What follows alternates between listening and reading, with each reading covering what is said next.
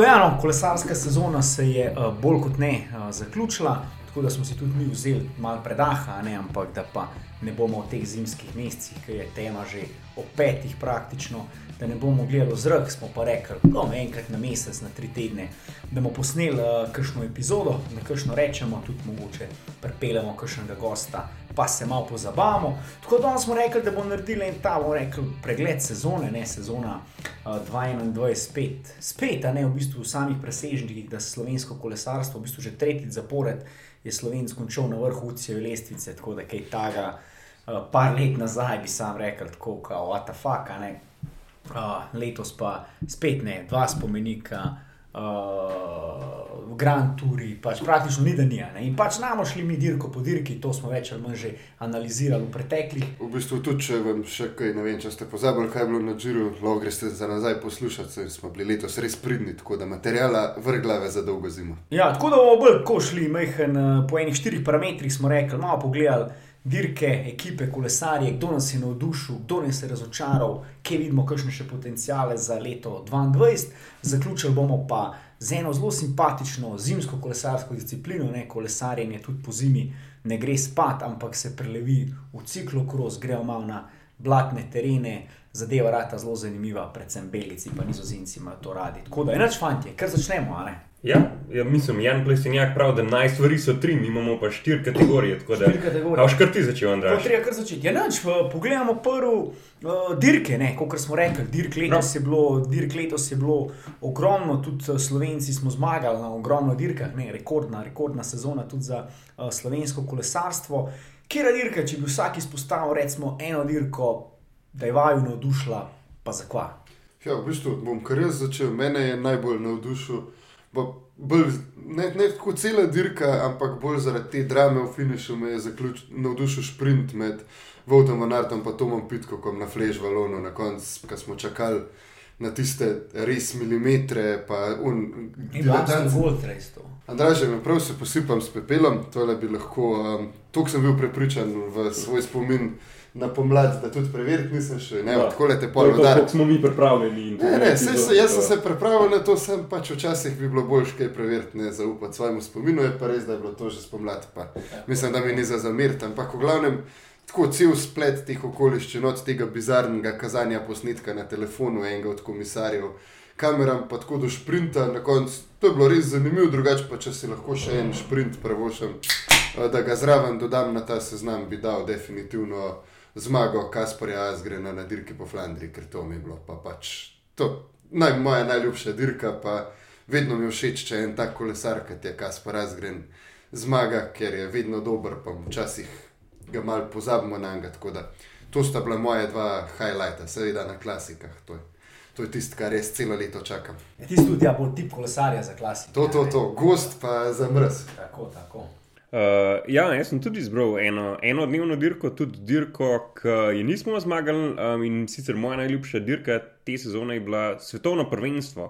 Um, dirka, ki smo jo pogledali v živo in ne samo zaradi tega, ampak predvsem zaradi samega dirkanja, ki smo ga gledali. To je bila res mogoče tako malo nekonvencionalna dirka. Itak vemo, da je to zelo dolga, ampak tudi zelo hitro se je v bistvu že začela odvijati s tistimi, se pravi, francoskimi napadi in vsem, kar smo že pač predelali v prejšnjih epizodah. Um, Če niste pogledali dirke, um, dajte ali si jo pogledate ali poslušajte podke, zdaj boste videli, da to je res neki tazga, ki um, je bilo vsaj za me en izmed vrhuncev sezone, čeprav je ta slovenski rezultat v bistvu na koncu malo izostal. Ja, pa se že zaradi samega vzdušja, ne? se že sama kulisa za, in za poslušati in za videti je bila fenomenalna. No. Ja, fenomenalno. Če boste pogledali posnetek tam približno 300 metrov pred ciljem, boste videli eno morje slovenskih zastav. Evo to smo bili mi, ne, združeni navijači, PCC, Kran in pa Luka Mezgec, fan kluba z nekimi naključnimi podporniki, ki smo jih uh, spotoma nabrali. Uh, tako da, ja, res odlično vzdušje, res tudi meni ta svetovna prvenstva so zmer fantastična, tudi z vidika, ker vidimo kolesarje v nacionalnih, uh, nacionalnih barvah, ne, kar je v kolesarstvu. Redko pa še pač ena redkih dirk na visokem nivoju, ki se dirka brez radijskih postaj, ki pa tudi prda enemu uh, svojemu čaru, kar smo videli pri ženskah, recimo na olimpijskih igrah, ki potem niti niso vedeli, kdo je spredi, kdo je zadnji, kdo je kje. glih Matej Mohorič je v svojem intervjuju, ki ga imamo zdaj za podke številke, uh, omenil, da on pa v bistvu ni glih tok fan tega, da se dirka brez povezav, ker je rekel, da um, mogoče edina stvar, kar ta odsotnost povezav naredi, je več kaosa. Da ti se pravi, če imaš. Uh, Kar je za gledalce dobro. Tako, Ma, načeloma je, za nas- je pa ni, ne? Načeloma je, ne. mislim, v veliki. Škoda je, mislim, mene, jaz sem drugač, nisem tako zelo pristaš tega, da ni radijskih povezav na dirkah, ker se mi pač zdi to, da, da je ti prsilš kolesarja, da sprejema neinformirano odločitev. Dejansko je, ni to, vem, nogometna tekma, ki imaš ti dejansko pod pregledom cel igrišče, pa se moraš sam odločiti. Ti, doskrat, ko si kolesar ne, na eni poziciji v pelotonu, niti ne vidiš dobro, kdo je skočil in brez, brez radijske povezave ti ne moreš vedeti, da je to zdaj nekaj, kar je treba pokriti. In če ti to zveš šele čez 4 minute, ko je 4 minute razlike, pa pride avto, do tebe pa ti pove od spredi, imate, ne vem, ali Filipa, pejte lovit, kaj je z vami narobe, dirka že zgubljena. Tako da to mi gre na živce, po drugi strani mi pa tudi dobro včasih. Da ne bi bilo radijskih povezav, ko potem spremljamo neke te zaključke, ko nekdo napade, pa samo gledaš kolesarja, ko pije v mikrofon, kaj ne naredimo, ne grem z njim, ne grem z njim. V takih trenutkih bi pa raje videl, da se ljudje, oziroma da se kolesarji zanašajo malo bolj na občutek, pač pa grejo dirkat, ne pa probajo, pa je kar je, ne pa da čakaš, pa gledaš vate, pa gledaš trenerja, da ti pove, ja, z 452 vati se lahko voziš dve minute, pa pol, tako da greš lahko z njim, pojdi malo na občutek. Ne. No, ja, sej, točno v to temo tudi Matej govori v tem svojem intervjuju. Um, on sicer bolj izpostavlja, da so te radijske povezave ključne ob pacih oziroma v nekih nepredvidenih situacijah, um, ne toliko zelo taktičnih, ampak takih zares nepredvidenih, paci, defekti in te ja, stvari. Sam, to je bil meni vedno zgrešen argument, zaradi tega, ker UCI jim je že dolg časa ponujal vsem kolesarjem to srednjo pot. Prav, pa imamo samo radio tour. Radio tour ti vedno pove, kdo je padel, kdo je dobil defekt. Če rabiš samo to vedeti, imaš slušalko, imaš samo radio tour, imaš vse informacije, v taktike nimaš pa nič, pa ni bilo uslišano nikoli. Ja. Tako da mislim, da je to ta sprenevedanje, da gre, mislim, pa nočem zdaj nič proti Mateju, se mogoče v njegovih očeh res, ampak se mi zdi, pač, da če bi dejansko kolesari hoteli samo informacije o dogajanju in ne taktičnih napotkov, da bi že zdavnaj ta kompromis sprejeli. No, ja, ampak sigurno je, jaz tudi sem zagovornik eh, tehnike, zagovornik nekega napredka. Ampak sigurno je pa fajn tudi kakšno dirko videti na ta način. Ne. Tako da tudi, kot je fajn videti kakšno dirko tudi na ne glih konvencionalni podlagi, a ne se pravi na kakšnem makedamu, na kakšnih kockah, na kakšni taki zgodbi. Uh, je pa tudi, ja, fajn videti mogoče kakšno malo bolj kaotično dirko. Ne. In ja, ja, da se klej navežem, ja, tudi jaz sem se odločil za eno enodnevno dirko, pa bomo mogoče pol na hitro še, še na te večje tabne, kjer Slovenci bolj blestimo. Me pa res sem že dolg časa fan tega, ne strade Bjanki. Ne. In sploh letos ne, v bistvu šlo je za prvo neko resno, resno dirko sezone, na katero so se zbrali praktično vsi najbolj zveneča imena, z izuzemo Primoža Rogliča. Nekako smo si upali, da bo to neka prva spet normalna sezona, ki bomo dirke gledali v normalnih terminih.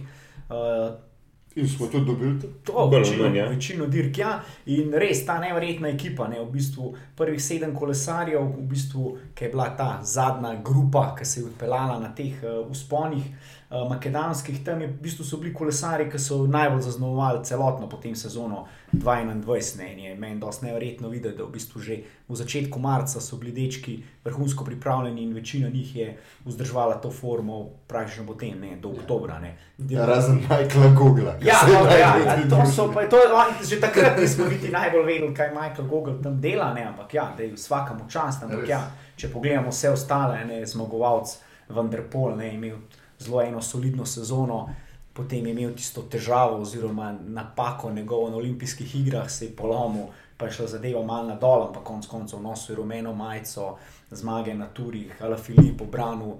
Uh, mogoče sezona ne glih iz njegovih sanj, ampak obrano je naslov svetovnega prvaka. Ne. Bernal je vzel Giro, Vanar, tisto par velikih dirk, Tom Pitcock, zlata medalja v mountain bikeu, ne, tedaj Pogačar pa.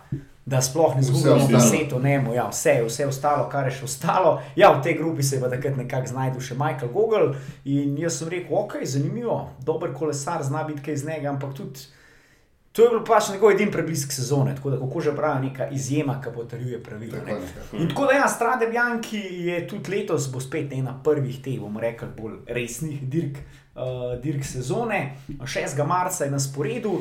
Drugače pa, če vas zanima, kot smo že večkrat omenili, Strade Bianchi ima tudi, kot marsikera ta enodnevna dirka, tudi eno svojo rekreativno verzijo. Uh, en dan, uh, 5. marca bo dirka za profesionalce, 6. marca bo tem tudi za materije in ne, 10. novembra, tako da če slab teden se odprejo parjave, parjavte se, BCC se definitivno bo in da naredimo en krok po Toskani, ki še ga spijemo, pa navijamo za naše. Po eno flash okjanti, pa bo. No, pa če kar nadaljujemo z naslednjimi kategorijami, si bom jaz vzel besedo. Tukaj prvi pa bom združil kolesarje, ki sem navdušen z ekipo in bom pač dal Bahrajn, Jacka Hejga, pa Sonja Kolbrelja, predvsem Sonja Kolbrelja. No.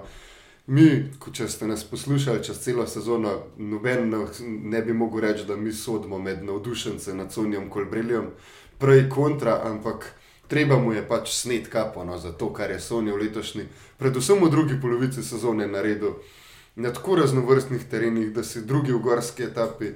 Tura pa, pa, mislim, sploh pa ta zmaga na Pariz robil, kot debitant na Pariz robil. To je bila fantazija, konc koncev se je zelo dobro vozil tudi na svetovnem prvenstvu, pač tam je bil prekratek, tak, tam je bil res Sala Filip iz druga planeta, ampak kukorkoli, letos smo res spremljali eno tako dirkanje Bahrajna na res vredno tega njihovega imena Viktorijus, ker so bili res zmagovalni, praktično kamorkoli so prišli. Sam je pa navdušen in zgodbo Jacka Hejga na Vojlti s tretjim mestom in potem z, še predtem no, z Damjanom Karuzom, drugim na Džiru. To je bilo res, da vidiš, da so ti njihovi kapitani iz druge in tretje vrste. Tako prevzamejo to štafetno palco in so dirkali, res kot prava ekipa super. No, jaz bi res vsem njim dal eno veliko kapo dol, da ne Mateja Mohoriča smo že tokrat omenjali, da ni, ni potrebno, da izpostavljamo spet, kaj vse je on pridodal v njihovi sezoni. Ampak ja, no, meni osebno so nikoli breli res. Uh, zelo zasluženo bo drugo leto nosil te evropske zvezde na drevesu, pa uno kocko upam, pa da ima nekje v dnevni sobi nad kaminom. Jaz, če bi enkrat zmagal, pa res robi, bi imel v dnevni sobi samo kamin, pa to kocko.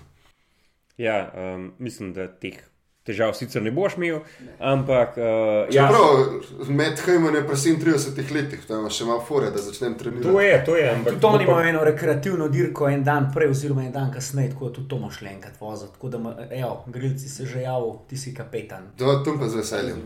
To pa lahko. Moš le enkrat na un teden Flandrija robe.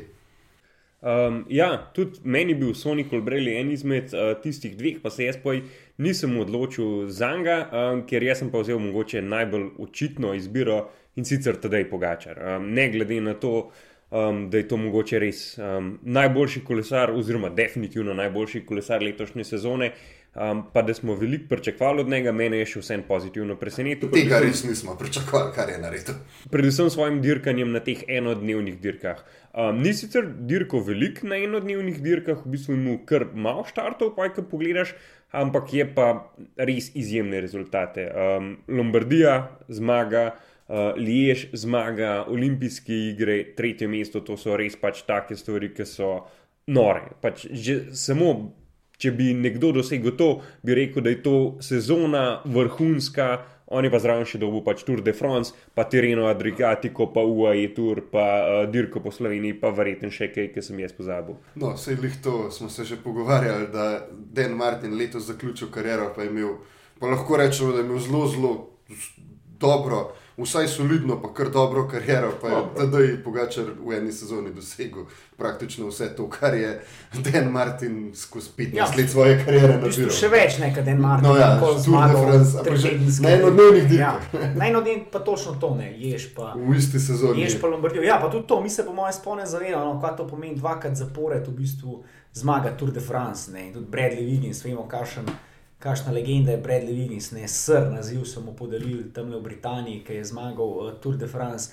In tudi on rekel, ajde, prvič, prvič se še da nekaj zmagati, niso pozorni na tebe, lahko mogoče iz druge vrste, kot smo videli lani, se prebiješ, ampak si pa enkrat branilc naslova na dirki kot je Tour de France, pa vsi gledajo samo tebe, vsi gledajo, vsi dirkajo proti tebi in je tedaj praktično še veliko bolj sovereno, kalan obranil to zmago pri njegovih rosnih 23 letih, zdaj v bistvu in to je pa, po mojem, to. Mislim, če pogledamo zmagovalce do zdajšnje Tour de France, kakšna velika imena so zmagovala samo po enkrat, ali pa mogoče niti nikoli, on pa že pri 23, dvakrat, to je samo ono kapo dol. In ja, lej, ne smemo pozabiti, s tem, kaj je dobil dva spomenika, pa, pa, pa Tour de France se v bistvu upisal v zraven Edija Merksa, pa Fausta Kopija, vemo, kakšne so to legende, fant je pa v bistvu na začetku karijere. Skoraj da ne bi bilo še v 23 dirke, dirkov. Ja.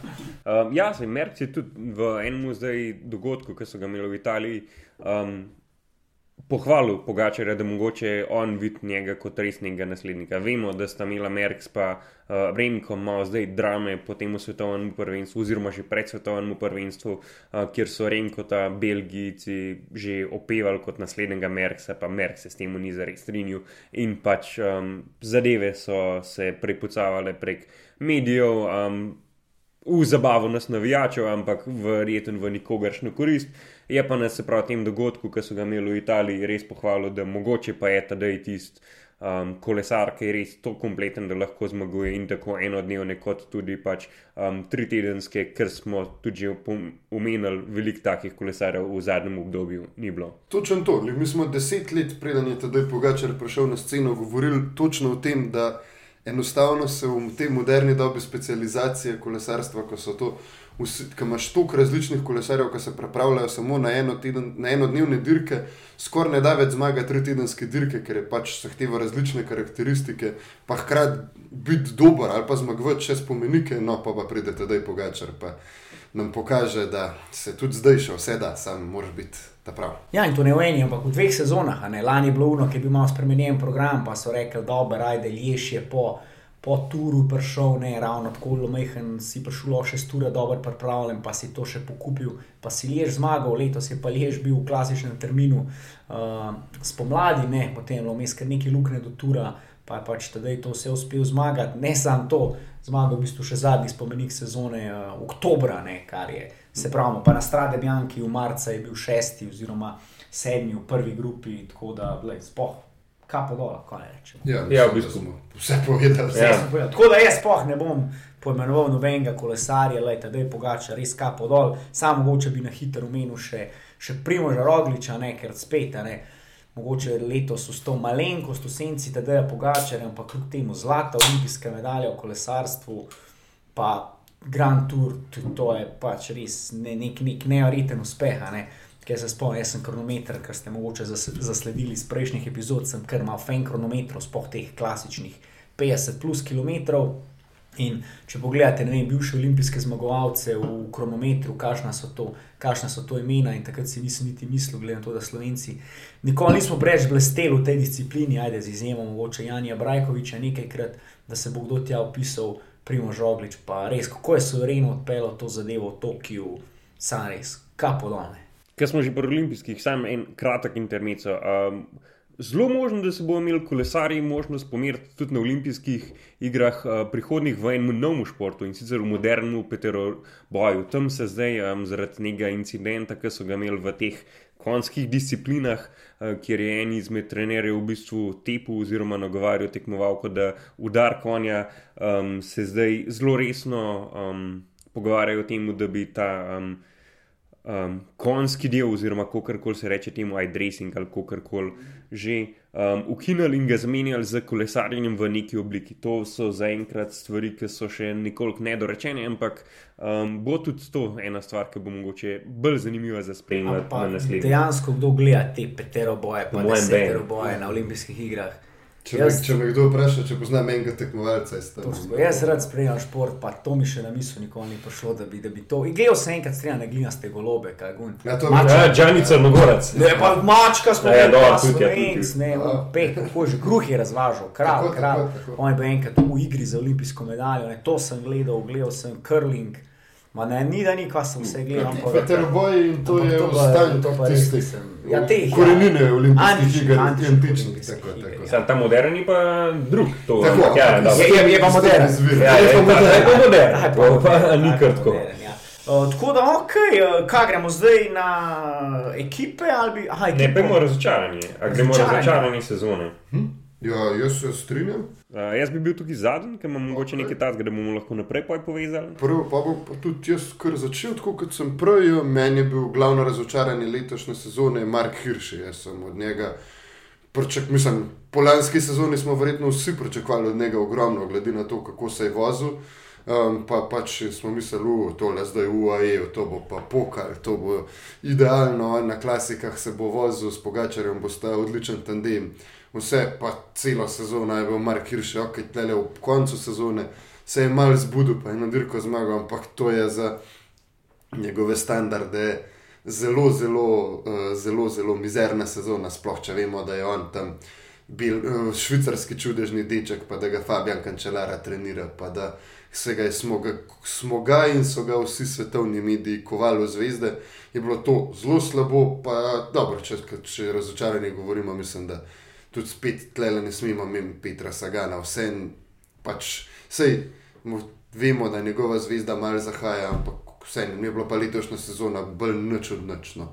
Če se taka zvezda kot Peter Sagan, ti rezultati niso. Imam jih še nekaj, ampak ne bomo vseh naštevali, da je to še vedno fanta. Ja, jaz bi sam glede Hirša še dodal, da pač ja, za njega so v bistvu te pričakovanja zelo, zelo hitro narasla po tisti fenomenalni sezoni, ki je Mulan. Um, pa se je zgodil ta prestop, mislim, da je bila pa še neka bolezen oziroma nekaj takega. To je to, kar smo že večkrat omenjali. Praktično vsi kolesari, ki zapustijo bivši Sunweb, zdaj še DSM, kot neke zvezde, se poj, kar zgubijo. Ja, to je nek urok. Ne, ampak ja, Mark Hirsch v tem uroku. Ja, ampak dejansko je bil Mark Hirsch, mi smo ta pričakovanja, niso bila osnovana samo na Sunwebu, ona dva sta se z Pogačarjem v 23 kategoriji na vseh dirkah resno tepla in tam je imel, pač one dva sta bila izenačena in Hirš je skoraj večkrat kot ne premagal Pogačarja in tudi na etapnih dirkah je bil pač Hirš večkrat blizu, tako da zaradi tega no, smo, sem vsaj jaz osebno pričakoval pač. Da ne bo imel, če Pogačar ni imel nobenih težav s tem preskokom, vse jih tudi Hirš v bistvu ni imel, pa je šlo pa res strmo v brezno. Sej, ni še nič zamujeno. Ne? še zmeraj mlad. Ma jaz tako ne rad neki ful govorim o nekih teh razočaranih, pa to je pa vse nek pozitiv, tako v lifeu, ampak bi pa, bi pa mogoče omenil, no, Mikela Lando, no, pa. En iz svojih najljubših. Tako, tako. Ta, mislim, že v movi staru je nekako on skozi bil v tej neki fazi, ko niso mi dali priložnosti, nisem bil nikoli kapeta, nisem mogel zdaj pokazati, kaj, kaj znam, evo, samo što nije, no, pa je pa prišel Bahrajn, res takrat so mu dali proste roke, v smislu, da je prvi kapet in prvi ta dirkač njihov za, uh, za, za tri tedenske dirke, kar je bil zmernik, uh, glavni cilj Mikela Landeja. Kva ne rečem, no, noč. No, ja, dobro, ti si res, moramo, moramo dati zvezdico zaradi tura zraven. No, Tisti tur, vse začel ga je dobro, ampak dobro, vse se ne ve, v bistvu praktično preden se je tur dobro začel, Landa pojahal tisto toček. Ja, pač ja sigurno, pač bilo nekaj smola, marsikaj se vemo, tudi je bil v prvem. Prvemu tednu hud, hud masakr, ampak kot smo rekli, ne, če res Loba Hrajn izpostavimo kot neko presenečenje sezone, s kakšnimi in skok kolesari so prišli do zmage, je v bistvu to statistiko uh, Mihkel Landa kot nek njihov prvi zvezdnik, skoraj da ne, če tako pogledamo, prispeval eno zmago, pa še to na predvsem mizerni dirki po Burgosu. No. Dosti so mu podaljšali pogodbo. Ne, se strinjam, no, ni, eh, ni, letos je bil res pod, eh, pod svojo ravnjo. No. Tako da bi pa res, je pa sicer škoda, ker ne vemo, kaj bi se zgodilo na tistem turu, ampak se to tudi velja za primožje rogle. Ampak jaz mislim, da še marsikoga drugega. Mikelanda ne bi niti v sanjah bil blizu, da je upogačal. Ne, ne, ne, to ne, to daleč od tega. Pa mogoče bi se pa boril za odr. Pa pač pač klasično šesto, etapa, šesto sedmo mesto. E, to, jaz mislim, da bi bil vsem se boril za, za, za odr, pač tam nek za tretje mesto. Sej to. Ne vem, smo... kje je to zaupanje Mikela Landa, ampak dobro, dobro, tudi Sonja Kobrelja ima ta rada. Tako da me veseli, da imamo malo drugačne poglede tako, tako. na situacijo. Matej, kaj pa, kaj pa tvoje zgodbe? Ja, uh, moje razočaranje pa mogoče iz malo drugih logov in moje razočaranje letošnje sezone je bila pa ekipa Adrije Mobile. Um, Pričakovanja za njih mogoče res niso bila uh, tako zelo visoka, glede na to, da so precej pomladili ekipo in tudi um, v bistvu zamenjali glavnega športnega direktorja, ki je rad Marko Kump. Ampak, če pogledamo, oni so, poleg se pravi Ljubljana, zdaj nek vlečni konc slovenskega um, kontinentalnega uh, kolesarstva. In oni so letos končali um, sezono brez uvrstitve v tri, na se pravi, um, rangiranih dirkah. Imeli so pač neke zmage po kriterijih hranja, pa pač te uh, nekategorizirane dirke, ampak v celi sezoni niso imeli ene uvrstitve v tri. Če se spomnimo, da je to ekipa, ki mislim, da je se prav 5-6 let v bistvu bila najboljša uh, kontinentalna ekipa v Evropi, je to kar hud pad. Sej vemo, da so odvisni od mladih talentov, ki prihajajo. Um, ampak vseeno, pač to, da tudi vem, po teh hrvaških dirkah, um, ki so v Istri, pa um, dirkah, ki so bile v Turčiji, sicer tudi teh je bilo letos mogoče malenkost manj zaradi cele COVID situacije. Um, vseeno, no, meni se zdi to vsaj do neke mere razočaranje tudi. Uh, Ljubljanski klub je imel nekoliko boljšo sezono, um, saj pač 4-5 uvrstitev v top 3, čeprav dve na hrvaškem državnem prvenstvu, kar je glih mogoče malenkost boljši kriterij po kranju. Um, tako da, ja, no, z moje strani malenkost razočaran, čeprav, kot sem že rekel, pričakovanja pa že od začetka niso bila zelo visoka. Ne, jaz bi se tle sicer čist strinjal s tabo, rezultati res ne lažejo, mislim pa, da je. In zgodba Adrija Mobil in konec koncev Ljubljana, saj sta imeli zelo podobno sezono, v bistvu bile brez enega vidnega presežka, je dejansko zgodba tega praznega bazina talentov, ki jih mi imamo v teh generacijah, ki prihajajo, ker dejansko se vidi, da tukaj ne prihajajo gor kolesari, ki bi lahko pač delali rezultate. Sej ne na ravni TD-ja Pogačarja, ampak na ravni, ne vem, pač kontinentalnih dirk. Ker če že teh dirk ne zmaguješ, to so včasih, vse smo videli, Marko Kump se recimo v svoji karieri nikoli ni prav dobro znašel v svetovni seriji, ampak na tej kontinentalni ravni je bil pa uh, kume bogi batina, mislim, on je zmagal vse, kar je videl. In zaradi tega se, mislim, da je to definitivno je odraz tudi pač stanja v Adriju mobil, ki je pač dejansko nek zavladal, nek, mislim. Neke spremembe so se tudi kadrovske zgodile, pa je vse skupaj v enem takmu fazi prehoda, ampak predvsem ja, pa jaz mislim, da manjkajo kolesari. No, in dejansko ne moreš iz, pa nočem biti res želil, pa da se ogrado slišal, ampak ne moreš iz osla dirkalnega kona narediti. In ti, to, ti fanti, pa se David Perse, kar solidno vozijo na marsikiri dirke, se tudi na svetovnem prvenstvu, recimo, da so solidno v dirku, ampak se pa pozna. Adrija Mobil je vedno zmagovala svoje dirke v sprintih, sprinterja zdaj nimajo in to je pa pač to. Kristjan yes. hoče verjeti v neki malenih prebliskov in Se to, po mojem, problem, ker večina teh dirk se nekako teh na nižji ravni konča v nekih sprintih, bolj kot ne. ne? In potem, če nimaš ti sprinterja, kot je bil Marko Kum svoje cajte, težko konkuriraš pol za vrh. Ne? Definitivno so precej, precej pomladili eh, ekipo, tako da, uh, evo, zanj smo ravno v eni šali malo gledali, eh, kako je bil Liverpool vmes v kurcu po domač povedal, ne, pa je bil ne vem, komi na sredini angliške lestvice, pa zdaj spet Hara. Ne, to so v bistvu, se mi zdi, neki cikli, tako da verjamem, da bo tudi Adrian Mobil prišla nazaj. Bi pa mogoče samo na hiter kles postavil, da se mi zdi, da je to del, deloma tudi posledica pojava teh eh, razvojnih ekip, nekaj čas na kontinentalni ravni. So dirkale te kontinentalne ekipe, no, smo pa ti cel kup teh razvojnih ekip in tudi razne dirke po Hrvaški, oziroma te hrvaške spomladanske klasike. Pokran, pa ula, lani, ne. Tako ne, mm. pridejo že razvojne ekipe z, z kolesari, ki so bolj kot ne že redi za, za World Tour. Ne, ja, ja, to so vse mladi kolesari, to so 21-letni kolesari. Ja, ampak, pač. ampak je in budžet in način dela in, eh, in eh, to oni praktično imajo način dela, budžet, upremo, kot kar World Tour ekipe, ne, pravi, že delajo z isto upremo, z istimi istimi treningi, po istih programih. Sigurno neki razlike. Saj, kar se Adrija Mobil tiče, to pa nisem jaz slišal kolesarja, pa sem se z mnogimi od Adrija Mobil pogovarjal v letih predtem in tudi zdaj. Nihče se ni nikoli pritoževal čez razmere v Adriju Mobil. Adrija Mobil je sploh za kontinentalno raven zelo, zelo zgledno. Vsi tudi Ljubljana, Augusto Ksavrom oziroma Santik, pardon. Uh, je, je čist, je čist, je, so to so čist zgledno organizirane ekipe. Zdaj pač tle je sam problem.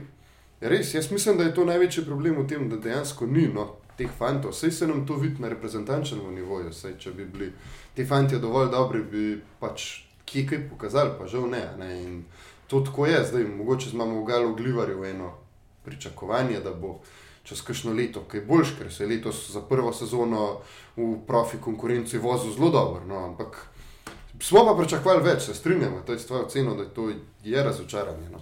Ampak ja, ne moramo pač realno pričakovati, da bomo imeli spet nekaj ljudi, slovence v top 15. Ne, ne, samo če recimo, ne, če pomislimo mi že to, da je recimo dve, tri leta nazaj, štiri mogoče, se niti ni to pomembno. Je Gašpr Katrašnik zmagoval dirke na Polskem in to so bile dirke, ki so bile kar, pismo, tako nivo, ne, to so ja. bile ena, ena dirke, pa, pa pač pa dva, ena dirke, to so Mislim, to so dirke, ki so se dejansko prešla konkurenca, tudi prokontinentalne ekipe, pa tudi dirke po Sloveniji, konec koncev, in so naši klubi zelo zgledno dirkajo zraven, zdaj pa pridejo tja in jih že pred sprintom odpihne. Je pa konec koncev je rado pri svojih 35-ih yeah. bil konkurenčen, pa pač uh, podijume na pač, vem, slabših dirkah sicer, ne pač ne vem, pa so bile dirke po Srbiji, pa so bile te hrvaške in. To je pomembno, se za iste dirke dirka, pa ni tudi blizu. Pa ni nobenega, ne, sej to je ta del, kaj je to. Pač Per je bil dvakrat četrti sicer, ampak zmanjka, mun malo. K... Ja, ni, enostavno ni, no, to je, to je res, mislim.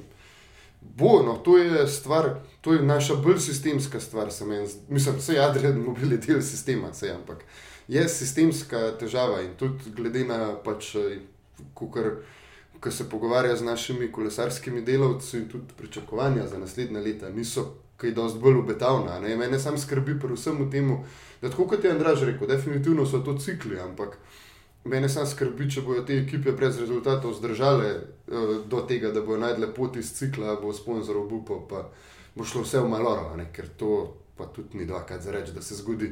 Sploh če vemo s francoskimi lastniki, Adrije Mobil, pa tudi v Ljubljani se morajo vsako leto sprot matrati, da dobijo ta denar sponzorski. In če ti prodajaš rezultate, gre, če pa prodajaš 12 mesta, gre pa malo težje. Tako da, predvsem rabimo bazen. Ko imate kakšne otroke, primerne starosti, upišite jih v kolesarstvo, zelo, zelo v redu. Zelo v redu. Ali pa če imate cash, ki ga investirali v to, pa še bolj, to pa še bolj tam tam dol. Ja, če ga imate pa malo manj, eh, ga pa lahko investirate v Biren uh, Cycling Club oziroma v naš, uh, v naš podcast. Ne. Recimo, sponzor današnjega podcasta je uh, Francijeva koča uh, na Jakobu, ne. to je ta uh, nižja koča na Jakobu, zdaj spet ponovno odprta za vikende in praznike. Danes so nas uskrbeli s super zaseko in pa domačimi suhimi. Zaseko. Zasko je je zborna slovenščina. Uh, in super je, domačimi suhimi mesninami, ne odkud da tudi uh, gorčo, te kaj prišli na Jakoba, z bojo postregli, super stvarmi, fanti, smo sprobali valja. E pa še en nov ingver šnops. Tako, tako, tudi ingver šnops, zdaj le bo tudi. Ta, bo postregel, ta teden premjerno pride tudi ena nova domača medica, tako da je, je za sprobati, no, je za sprobati. Ok, po tem EPP-ju, pa, pa lahko eh, smo nazaj, smo nazaj, nadaljujemo. Ko rekli smo, se mogoče malo dotaknili še tega Rising Stars. Uh, kva, kva mislite, kaj, kva bojo pa eni kolesari, ki bodo pa zaznamovali za to sezono? Imate še nekaj v mislih, uh, kje so neki mulčki, ki bojo pa. Čeprav že zdaj so mulčki na sceni, lih ravno sem zbral eno kolumno Larensa Tendama da je čisto čas, ki je on bil star 27-28 let, profesionalen kolesar. Tako je rekel, ja, zdaj, pa, zdaj pa prihajajo tvoje leta, ne, zdaj pa boš nekaj naredil. Ne. Danes pa vidimo, da pri 23-24 se že zmaguje praktično vse. Ampak imamo še kakšnega taga v neki v mislih. Ja, mislim, kar nekaj, pa jaz sem se bolj osredotočil na te, ki so bili že zdaj dobri, pa me zelo interesira, kam točno pa še lahko posežejo. Se prvi, ki mi je na misel prišel, ko sem o tem razmišljal, je bil Jonas Vingegard, ker pač ta letošnji tur je bil en tako, tako intrigantna zadeva, da me zelo zanima, kaj se bo z Jonasom Vingegardom dogajalo v naslednji sezoni. Oziroma, tudi zanima me, kako bo Jumbo k temu pristopil, bo mogoče Jonas dobil proste roke, pa bo recimo kapitan na Džiru. Skratka, ali pa pač na kakšni enotedenski dirki. Zanima me, kako bo Jonas Vingegard zgledal kot uh, res zdaj že. Zdaj pa bo uveljavljen kolesar, ne več en tam danski ribič, tako kot smo ga letos brali te njegove zgodbe, kaj dela v ribi predelovalnici. Pa še je Itan Hajterja, bi jaz izpostavil. Itan Hajter mi je pa tak zelo všeč kolesar v Ineosu, drug del sezone je imel super. Pa ne, to lahko gre v klanc, šprinta, se mi zdi, da je tak še liho v zdrave mere, um, preti, do zdrave mere pretirano samozavesten, tako da one dva, sta moja dva taka, ki me zanima kaj se bo zgodilo z njima. Je pa teh še malo morje, pa, ampak ne moramo vseh. No. Ja, ja, jaz sem tukaj tudi v bistvu dva kolesarja, Quickstepa, en je mlad, nadobuden uh, kolesar, Mark Cavendish. Um, zdaj vidimo, da prihaja v svoje dobre leta, letos mu izjemen tur, tako da jaz pričakujem, da naslednji bo samo še boljši.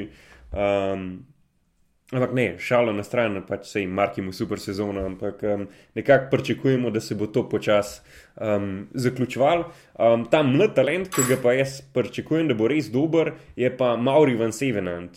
Uh, on je se pravi, videli smo ga že lani, kako je super dirko, pa moj poj padec na en izmed dirk um, preprečil, pa poj smo ga videli z moj ekspresen mu um, skokami iz grmovja nazaj na kolo. Um, letos je mu pa v bistvu super pomlad, uh, kjer je tudi um, zmagal eno dirko v Italiji, sicer uh, kar dobro ta Grand Prix Industrija Ariganto. Um, pa tudi par še zelo solidnih uvrstitev, pa se je v drugem sezonu malenko zgubil, ampak um, vemo, da pri Quickstepu je tako, da pa če nisi super pripravljen, ne boš en izmed tistih, ki bo konkuriral za zmago, ampak boš uh, tisti. Pet, šest kolesar, pa boš mrske oddelal. Ampak jaz od njega pričakujem še velike stvari, tudi če ne v naslednji sezoni, pa sigurno v sezoni kasneje. Jaz bi sam Maurijo van Sevenantu dodal to, da če bo Maurijo van Sevenant zmagal dirke, bom jaz začel kolesarstvo poslušati po radiju, ker kako pa on razmetava s tem svojim zgornjim modelom telesa, to je pa noro, res. To, pa, to je pa zločin proti uh, položaju na kolesu in načinu kolesarjenja, drugače se pa strinjam. Zelo, zelo uh, borben uh, in dober mlad fant. Tako da mu želim veliko sreče, sam res, da bi še začel kolo gon, tako kot se zagreno. Ker mislim, da smo imeli pa v zadnjem desetletju dovolj Krisa Fruma, pa nagraženega gledanja v Fajfu, da ne rabimo novih šampionov, ki zgledajo kot paličnjak na kolesu. Le, Kris je fruma po meni omenil kot razočaranje sezone, glede na to, da je pokazal mislim, čist noč. Ampak mislim, da smo nekaj dosti več tudi pričakovali. Ne, ne, tako, da, nas ne, ni razočaral, ker je sledil našim pričakovanjem. Po pričakovanju. Od njega je zgled nekaj pričakovala, sam guna ekipa iz Izraela. A se oni so dobili svoje medijske izpostavljanje. Ja, ampak za ta denar mislim, da bi ne, dobili marske več. Ampak ne vem, tudi zdaj njihova, se bomo eno transfer epizodo še naredili. Ampak kar zdaj podpisuje, to je en tak, kot sem že na Twitterju prebral, retirement home. Ja, jaz bi zelo rad videl, da bi imel v Sloveniji kakšen tak podjetje, ki bi te pet let pred penzionom za dober denar vzel, ker nimaš več kaj za ponuditi. To bi šel. Pet let je še dobro, ti fanti, ne vem, Jakob Fugelzang, pa Kris Frum, ne vem, če imata še pet let. Ne. Ok, ampak ja, pustimo, pustimo zdaj to, no, če smo zdaj bili pri mladih, mladih fantih, bi pa jaz klele izpostavil še kakšno, kakšno mlado punco. Uh, uh, mlado deklico, pravzaprav ne Kata Blanko vas, ne, ona je v bistvu 2001 letnik, se pravi, evo, že pisal ena takih prvih kolesark ali pa kolesarjev, ki se spomnim, da so neki pokazali na tej veliki sceni, ki so rojeni že z dvojko spredi, ne, Ajuso tudi mislim, da je, ne, Ajuso tudi, tudi. 2000 letnik, ja. Uh, ona pa je nosen že omenil že takrat, no, kot moj outside bed. Tudi Remko, ja, v bistvu. Remko, ne, 2000. Januar. Januar 2000, ja. Uh, tako da v bistvu ona je zelo res obetavna kolesarka, ki prihaja z ene ne preveč kolesarske nacije, ne z mačarske. Ona mi je všeč predvsem z vidika, ker res vse tri kolesarske discipline uh, obvlada na polno. No, letos je bila recimo četrta na olimpijskih igrah v mountain bikeu, uh, potem je bila četrta na že prej omenjenem svetovnem prvenstvu v kolesarstvu v, na cestni članski dirki. Ne. In pa ravno, evo, pra, pred par dni nazaj je zmagala svojo uh, prvo dirko za ciklokros, ne za svetovno pokalo, overisu, se pravi, mountain bike, ciklokros in pa koles, uh, cestno kolesarstvo, vse ji pač maksimalno ležijo. Uh, zelo še mlada in tudi zdaj bo je podpisala no, letos, oziroma na prihodne leto bo vozila za to ko bi rekel, žensko Dream Team ekipo, ne SD Works, in me prav zanima, no, kako si bo tam izborila prostor z vsemi nizozemkami, ker konec koncev vemo, da v ženskem kolesarstvu so nizozemke. Res tako razred zase. Ne, to je SD Works, ja, razred zase. Tako, poleg tega je SD Works, razred zase, poleg tega je SD Works res pač nizozemska, klasična nizozemska ekipa. Sicer ja, Ana van der Bregen gre, gre v penzijo, gre v v, v avto, ampak kljub temu ostaja tam še cela plejada odličnih nizozem, tako da mislim, da si bo Kata kar mogla izboriti svoje mesto. Ampak če bo šlo tako naprej, kot je začela, uh, me zelo veselino, da bomo lahko gledali na vseh treh področjih in to, to meni všeč, da je kolesar, da je kompleten kolesar. Ne. Ja, Zima kolesarka. Ta mačarsko kolesarstvo se kar nekako razvija zdaj v zadnjih letih, poleg um, se pravi, ženske kolesarstvo, ki je tudi očitno vsaj malo spomnil, čeprav je ona, vsaj kot res spremljam, ena izmed redkih mačarskih kolesar. smo pozabili še našega najljubšega mačara Atilo Valtra, ki je na Džiru kar dobro haral, pa se pravi tudi naslednji Džiro se začne na mačarskem. Tudi to bo um, ena taka zanimiva. Um, ja, sigurno ene take države, ki vlagajo, vlagajo nekaj v to. In ja, ki se že pa Džiru, evo, Džiru spet obišče Slovenijo, ne, tako da to tudi enkrat, če malo posebej se dotakne tega, ampak spet ena super stvar, ne, da bomo imeli vsaj del. Tako je. Protur. Uh, ja, v bistvu relativno blizu imamo že tudi štart, ne? tako da pa mhm. pol nam gre na ta višji grad. Ne, se nam pride. Pešta je kar. No. Dobro, ampak Budimpešta pa pa nam tudi pride zelo blizu prek morja, praktično malo čez mejo. Ja, ne, ampak potem tudi Furlanija je no, nam. No, Furlanija pa sploh. To je malo bolj zanimiv tudi. Dost, dost bliže in tam so tudi kakšni bregi. Ne, tako je, tako je. Vse se je omenil, se je Matajur, tako da zdaj za Matajur je v bistvu veliko odvisno od lokalnih oblasti, če bodo uspeli zrihtati tisto cesto, kar nam je tajur. Ampak ja, kjerkoli bo v Frlani, bo dobro za nas. Ja, tako da to sigurno. Jaz bi imel, jaz bi sam še tako, je zdaj na hitro pozval, če imamo zdaj, da zaključimo ta pregled sezone. Ampak ta še kakšna stvar, ki vam je tako iz letošnje sezone skočila ven, pa v dobrem ali pa v slabem smislu, bom kar jaz začel. Tukaj meni je bilo, sicer sem bil malo razdvojenega mnenja. A mi je bil všeč, da je Pariz robil oktober ali ne, ampak na koncu mi je zdelo, da je bil Pariz robil oktober odličen zaradi tega, ker je ta drugi del sezone s klasikom dobil še en vrhunc več, ne samo Dirko po Lombardiji in si dejansko dobil en tak. Eno celoto tega jesenskega dela dirkanja, en mesec, klasik, se pravi, svetovno prvenstvo, pardon, svetovno evropsko prvenstvo, Pariz, Robe, pa Dirko po Lombardiji, se pravi, štiri vikende vrhuncov v mesecu, pa pol, do, dobrem mesecu v bistvu. In to mi je bilo všeč, sicer bi ga rad tudi videl v tistem spomladanskem tlakovanem delu, ampak to mi je, moram reči, da mi je bil. Ta zaključek sezone je res zelo pri srcu letos. Ja, jaz se tukaj sam še navezal. Uh, Pariz, Rubi, fulog časa smo čakali na ta deževen Rubi. Um, ful je bil atraktiven, meni všeč. Um, nisem bil tako navdušen zaradi tega, ker že tako vemo, da Pariz, Rubi je ena loterija, kjer bo zmagal ne samo najmočnejši, ampak tudi tisti ki mu največ sreče. Tukaj v dežju se mi pa zdi, da se ta faktor sreče še nekoliko več potencira. Uh, tako da jaz sem na strani Sani Rubi ne uh, Rejni Rubi in upam, da bomo v prihodnih letih spremljali večinoma. Uh, sončni rubi je na vsakih deset let, naj bo pa en držen, da dobimo še to. Tako, tako pa da je takrat, ko je držen, je tudi nekaj posebnega. Ker če bi bil skozi, se nam tudi ne bi več zdel, nič posebnega sta kar tako malo party breakerje v bistvu. Ne? Ker smo se kar fajn zabavali. Ne, vse je bilo dobro, vse je bilo dobro, samo pač na vsake deset let. Tako, umestno je pa normalno, pa mislim, da bo za vse v redu. Uh, ja, ne, jaz bi mogoče, ja, kar se tiče teh vem, pozitivnih presenečenj, kar mi je zdaj padalo v, v, v glavo, bi verjetno jaz bi omenil samo še Alpes in Phoenix, ne, ker v bistvu ekipa, moramo res, po mojem, smo večkrat že omenili, oziroma smo tudi večkrat že pozabili, da gre za ekipo, ki sploh nima licence svetovne serije, ne, ampak je to ekipa, kako bi rekli, z druge lige, ne, s, to, s to licenco Pro. In uh, jaz se spomnim no, začetka te ekipe, ki je v bistvu res se to začelo v ciklokrosu, ne še Korendon, Srko so bili takrat in ko je Matjo Vendrpol nekako začel malo bolj resno se spogledovati s cesto, so vsi nekako pričakovali, da bo Fant prestopil neko, bomo rekli, resno cestarsko ekipo. Ampak potem je kar se odločil, da bo tam ustal, da je njemu ciklokros še zmeraj fajn, da še zmeraj želi tudi na mountain bike se malo sesne.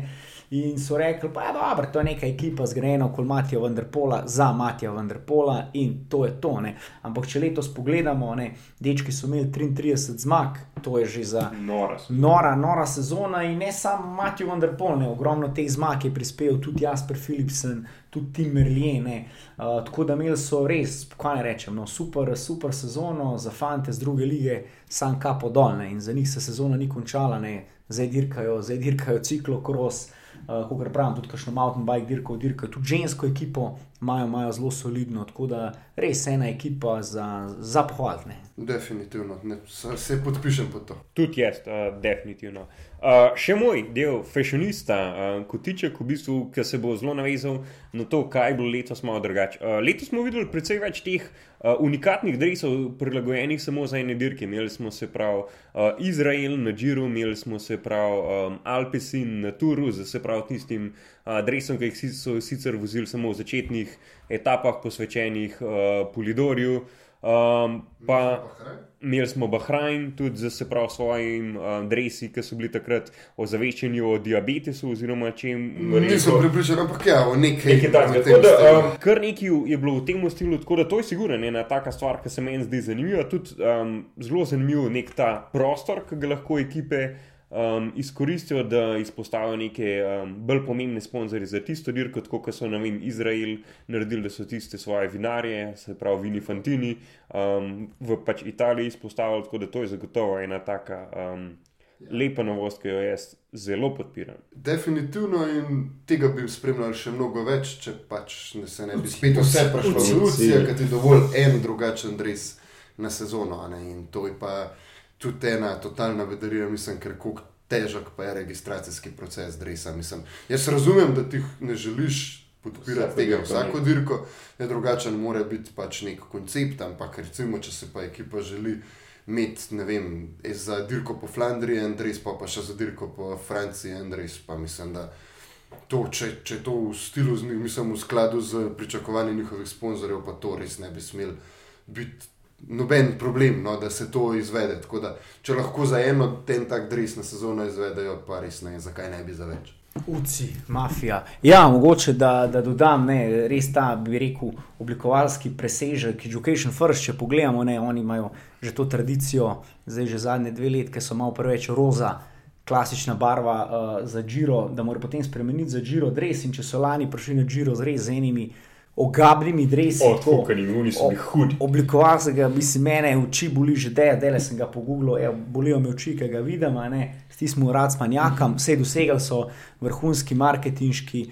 Od, odmev je bil vrhunski, ampak ti zdresi je bil res grd. Ne. So pa letos prišli z eno, saj za moje pojme, s presežkom sezone na oblikovalskem nivoju, ne ta uh, kaleidoskop, dres njihov, ki je bil. Ne. Uh, in to je res, po moje, pač najlepši dres. Jaz sem ti tudi potem kupil ta njihov trak v tej kaleidoskop obliki in tudi teo. Mislim, da ima Rafael ta dres zelo trenutno na spletni strani v akciji. Če vas zadeva zanima, to bi izpostavil kot nek oblikovalski dosežek sezone.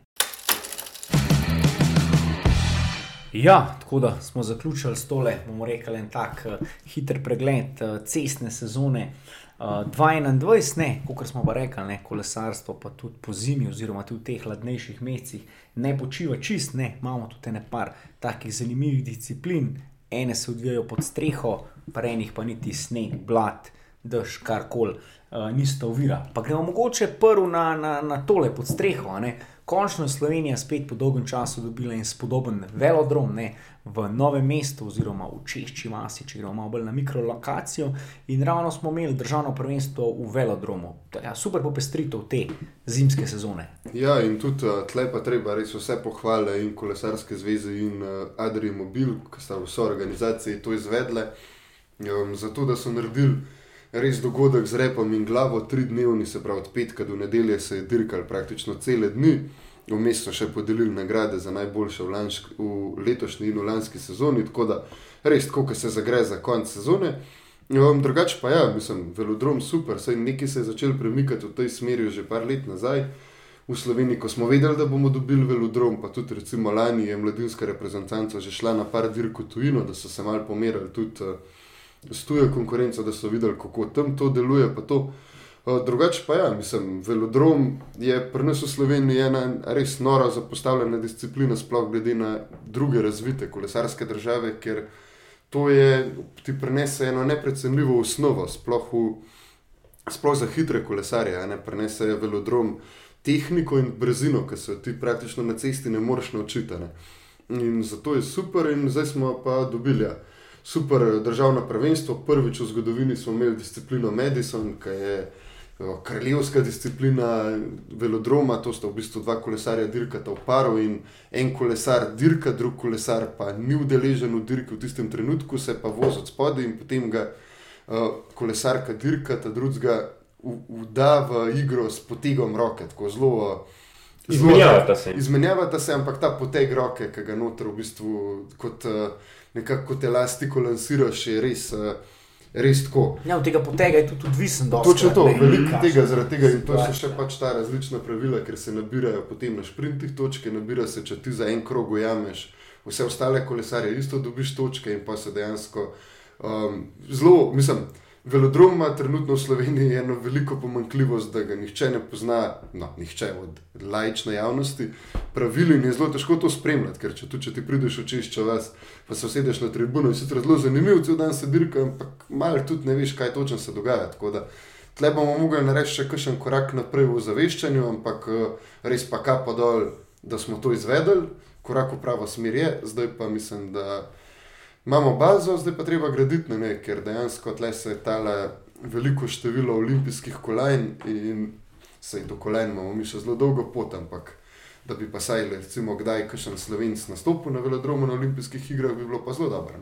Ja, pa mislim, ne samo zaradi olimpijskih kolajn, imamo tudi infrastrukturo zelo, zelo slabo. Ja, eno najboljših v tem delu Evrope. Tako ne, tudi v bistvu Italijani so tle uh, trenirali, kot vem, nekaj so v bistvu ena najboljših. Mislim, da se jim je podaril njihove velodrome. Tako, so v bistvu ena najboljših teh dirkališčnih.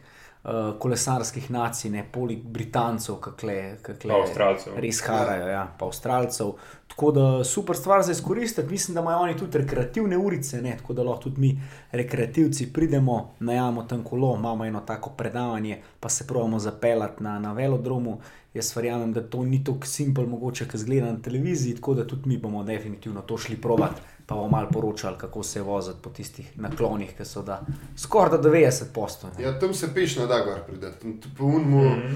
probajte, ni šanse, da pridete do vrha peš. Padeš dol, ja. dejansko gravitacija prevlada. Ker to je še tudi en poseben les za ta velodrom, se tudi zaradi tega te velodrome toliko stanejo. Mislim, seveda je problem ta balon za streho, ampak dobiti ta les dejansko iz kjer ti.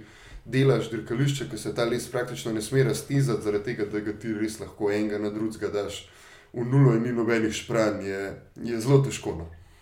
Ja, uh, naj ti omenim, da je velodrom ena super osnova za sprinterje in za vse, ki hočejo um, postati neki hitri kolesarji. Je pa sigurno velodrom tudi ena izjemna um, disciplina oziroma en izjemen um, poligon, da se trenira kronometer. In v sklopu kronometra je pa v zadnjih letih spet ratala um, zelo popularna, oziroma dokaj popularna ta disciplina, uh, enourni kronometer.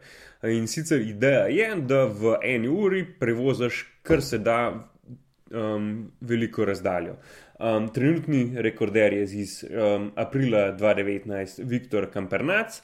Um, zdaj, se pravi, glih par dni nazaj je pa ponovno naskakoval ta um, rekord Alex Dawson. Alex Dawson, ki sicer um, tudi lahko že rečemo malenkost tudi za tono svoje kariere, ampak je pa um, poznan kot um, zelo dober kilometrist in on se je zdaj odločil, da bo v Mehiki, um, ne se pravi nadmorski višini, poizkusil izboljšati ta rekord. Um, Žal mu ni ratal, um, so pa naredili iz tega um, kar dober um, dogodek, uh, tudi um, bil je live stream, dal se je spremljati. Um, tudi Alex je naredil eno tako lepo zgodbo iz tega, tudi um, razložil, kaj to njemu pomeni. Um, kaj, um, Pa mi je dobrodelno noto, ko so zbirali sredstva za, mislim, da za te ljudi s hemofilijo. Tako, ja. Uh, tako da je ena taka super zgodba, uh, kot sem rekel, um, ni mu uspelo, oni dosegli 54,55 uh, km, kar je super rezultat sicer, uh, ampak ni pa dosegel se prav tega rekorda iz leta 2019, ki pa znaša 55,09 um, um, km. Ja, to um, mislim, da ta rezultat dodal se, ta, če se ne motim, je drugi celo. Uh, ja, tako drugi rezultat vseh časov. Ne, tako, tako da v bistvu je zaostal samo za tem uh, rekordom še... Viktora Kampenarca. Tako da soliden čas. Če še ja. čez kratko zgodovino tega naredimo, včasih je bila to res kraljevska disciplina kolesarstva. Tako, potem so se pa začeli. Ja, no. potem so se pa začeli takrat z grejom, obrijem in to so pa v bistvu začeli zelo potiskati te meje, ker so delali nekaj vesoljska kolesa, no, ki dejansko so bila čistimo prilagojena in je pa Luci potegnil ročno zavoro, pa je omejil pravila, da moraš imeti v bistvu ti road legal bike, ne za to. Uh, in pol se je v bistvu naskok na rekorde na eno uro ustavil za 20 let, skoraj. Pol se je pa začel enih 5-6 let nazaj, dejansko. 2-4, no, dejansko uh, spet na to naskakovati in zdaj mislim, da zdaj je to dobil zagon in da bomo tudi dobili še nekaj. Recimo, se je Filip Pogana tudi jasno povedal, da on bo šel po rekordne eno uro, je pa to pač tako specifična disciplina, da zahteva kar nekaj mesecev priprave. Ne? In to, če si ti tako dober kot je Filipo Gana, te pač v Ineosu ne bodo gledali, da greš ti za tri mesece. Na priprave samo zato, da boš to dobil. Tako da je, um, bo, bo zanimivo videti, kdaj bo dobil ja, dejansko. Oziroma, da bodo verjetno gledali, ko bo že malo za to karijere. Tako da tudi, če pogledamo vse aktualne, oziroma naskakovalce tega rekorda, niso to bili topov, top kronometristi, ampak mogoče ta druga liga, ne Dowsett, Michael Bjerg, Viktor Kampenarc. In še prej in svoj te na koncu karijere poskusil. Ja, ja, pa je res. 43 letih. To mogoče res taka zgodba za, za zaključiti, zaključiti kariero. No, čeprav je pa tudi Rowan Dennis vmes, pri 94 letih ja. takrat. Praktično precej v sponu karijere um, dosegel tudi takrat um, svetovni rekord.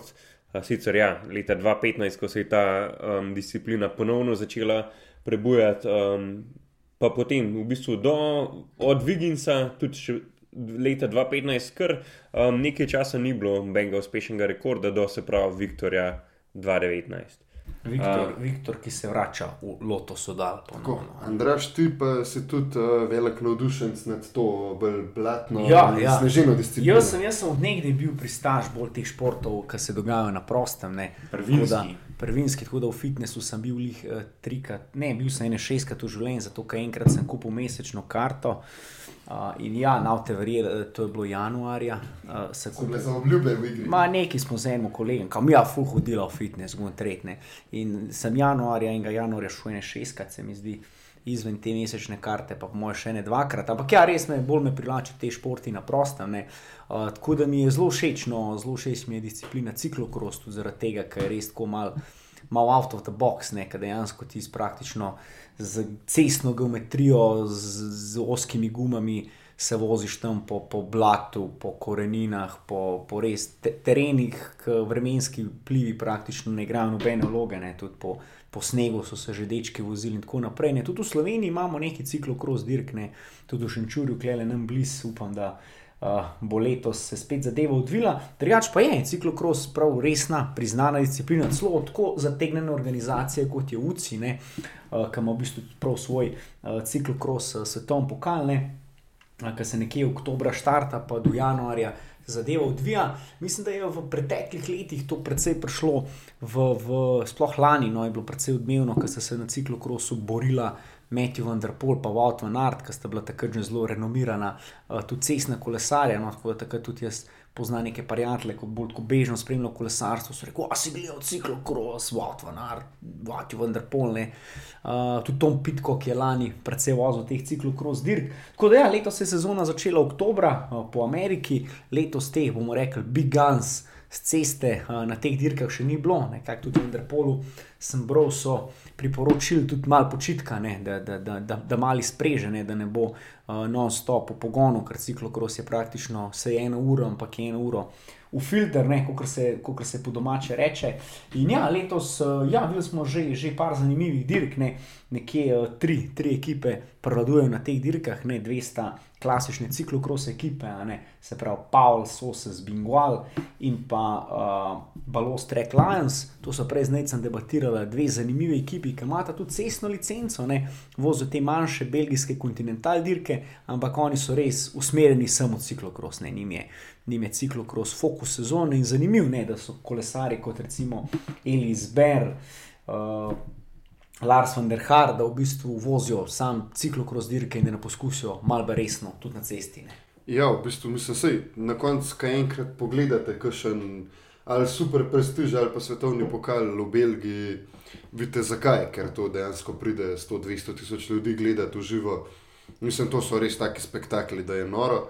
Pa še zanimivo je dirkati, mislim, zanimivo je za gledati, tudi za gledalce, ker dejansko kolesarstvo gledalcem ni jih najbolj prijazen šport, če ga gledaš v živo. E, ciklokros pa je, ker ti v krogih vozijo mimo tebe in to so klasične belgijske veselice, tam je pivo teče v potokih, e, žurka je, dirka se dobro.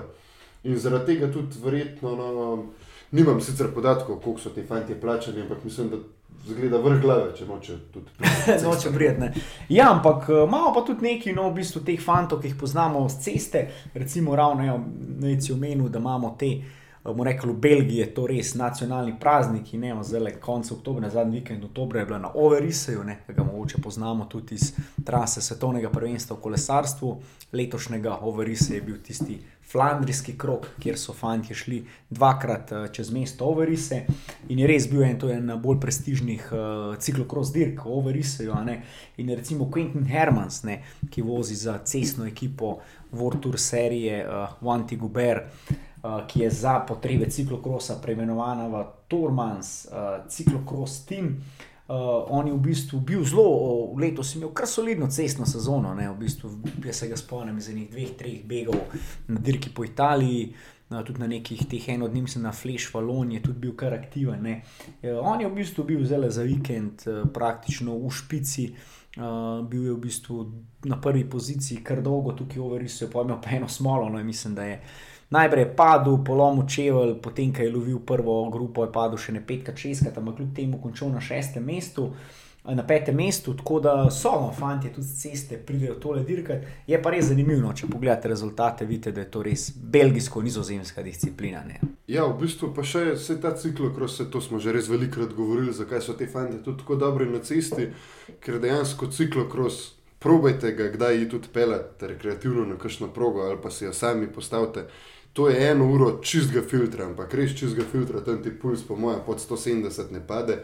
In če ti eno uro lahko to zdržiš, pa zmaguješ dirke, pomeni, da moraš za cestno dirko samo še preživeti do zadnje ure dirke, pa si pa navaden sprint na sprint. In to nam Matiju Vendrpol in Vodvanar dokazujeta, ker če, če si tam dober, moraš imeti izjemno regeneracijo. In to je super osnova za kjerkoli dirko, ni važno, ali je blata, so kocke, ali je klanc. Ja, precej lažje je prešaliti tisti ciklokros na cesto, kot tisti ceste na ciklokros, kjer pač, um, ko imaš enkrat to eksplozivnost, to, da lahko pač greš eno uro v filter, kot je najc rekel, um, je lažje še pač. Prej se malo pelata, medtem ko če pa ti navaden na cest, pa da si nek pomočnik, ko boš pač večino časa tam pač nek konstanten tempo in se vozil najprej tri ure, um, relativno počasi, res tukaj relativno v takih velikih narekvajih, um, pa potem odiktiral tempo, pokril dva skoka in šel v boxe, ali pa pač se boril za visoko vrstitev, je to precej drugače, če bi pa hotel iti pa eno uro na polno dirkati. Medtem ko,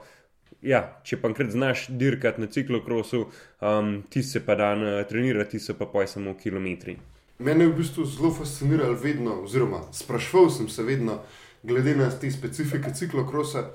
To so eno uro dolge dirke, v katerih moraš iti skozi na polno, da bi ti fanti verjetno lahko bili dobri tudi v kronometru, ne? ker to v bistvu vse kronometer ima, seveda, druge specifike, pa trening, pa rabaš opremo, pa vse, ampak dejansko, če se ti eno uro sposoben gnati na žive in mrtve, pa bi tudi, če imaš samo štoparco pred sabo, mogel iti.